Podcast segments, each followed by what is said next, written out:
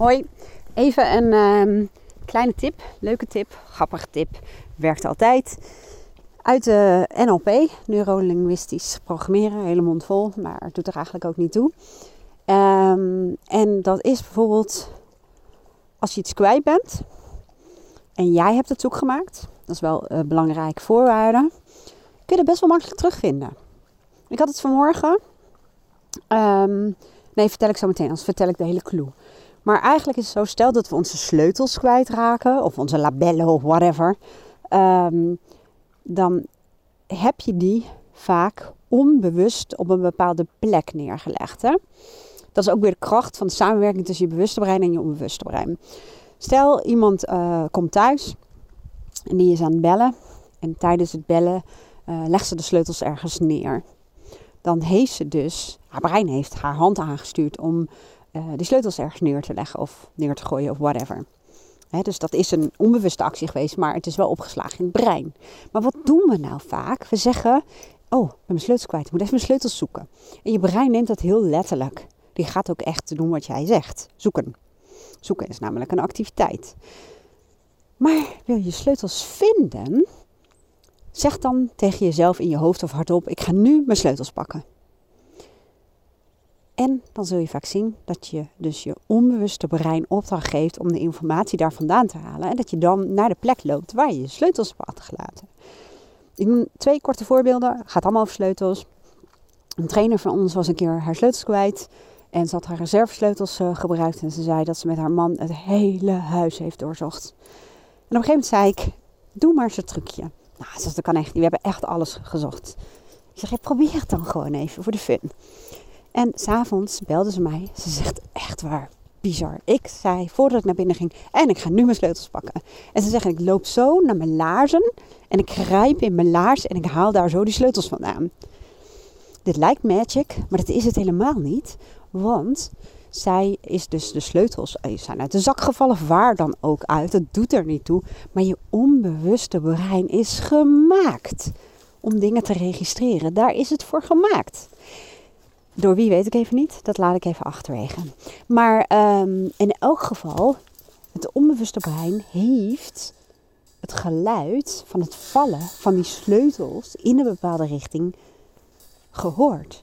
En zo kun je dus die informatie ophalen uit het onbewuste brein. Net als profilers. Hè? Heel uh, stoer zie dat altijd in series. Maar die kunnen ook best heel veel informatie ophalen.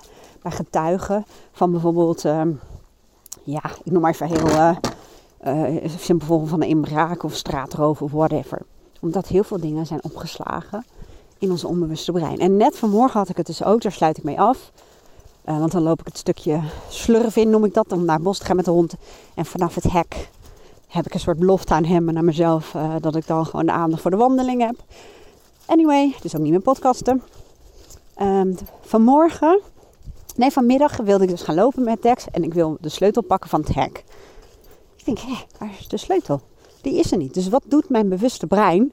Dat gaat denken in scenario's. Dat ik dacht, oh ja, Aaron is vandaag voor het laatst met de hond weg geweest. Dus dan heeft hij de sleutel zoek gemaakt. Dus wat doe je dan? Je gaat dus nogmaals in scenario's denken. Dus ik uh, app Aaron. De sleutels zijn er niet. Zitten ze in je zak? Of kun je even kijken of ze daar en daar liggen? Nee, nee, nee, zaten niet in zijn zak. Hij ging nog even verder kijken. Nee, heeft het niet gevonden. En ik zat nog steeds in een scenario. Hij is het laatst weg geweest met de hond. En uh, nou, zo gaat dat even door. En op een gegeven moment dacht ik, oh ja, ik moet het trucje doen. Want ik had de aanname dat hij het dus heeft gedaan. Want zo, dat doen we ook vaak. We kijken in ons hoofd naar de laatst bezochte plek, zeg maar.